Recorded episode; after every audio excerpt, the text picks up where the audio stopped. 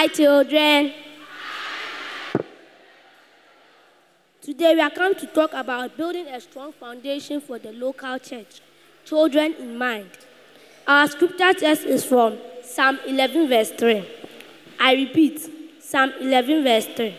Psalm 11, verse 3 says, When the foundations are destroyed, what can the righteous do?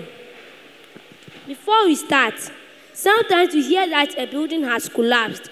The notable one in Ghana is the Melcom disaster that happened 7 November 2012. This incident claimed a lot of lives.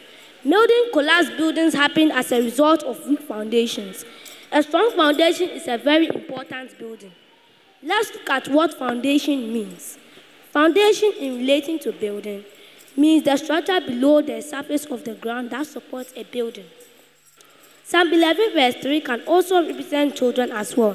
Just as a strong foundation is important, children are often seen as the foundation of the family, society, church, and Ghana as a whole. Their upbringing, values, and character contribute to the strength of the community. So, if these foundations, including the well being proper nature of children, are neglected, what can the righteous do? There will be no family, society, church, Ghana as a. There are so many ways we can build our children spiritually, but here are some ways. One, talk, to, talk about Jesus to your children at all times. Teach them the word of God and they will teach them the word of God and they will apply it whenever they go somewhere. Even though impart, even though they impart from it, God will still put them in it and they will become a strong foundation. Two, two, go to church with your children.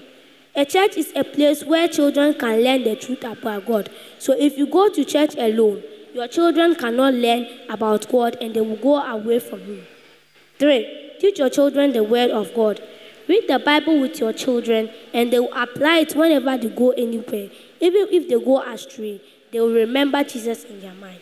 Four, sing gospel songs with your children. Always sing Christian songs with always sing Christian songs with your children at home. When you do that, they will not depart from it even though they go astray or when they grow up. Provide your children with the resources they need to grow spiritually. Please buy them notebooks, pencils, pen, playbooks, and Bibles for Christians. And whenever they feel interested or they feel bored, they will go to it and not go and do anything else. Teach your children how to pray and fast.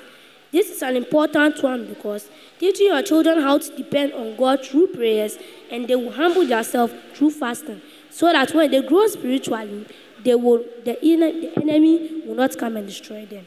Number seven, be an example to your children.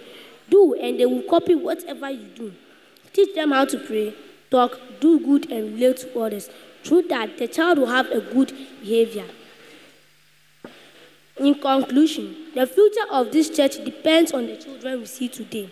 How you train your children will determine how the, cho- how the church will be tomorrow. The British made a big mistake by neglecting their children, and today their churches have been turned to mosques and drinking bars.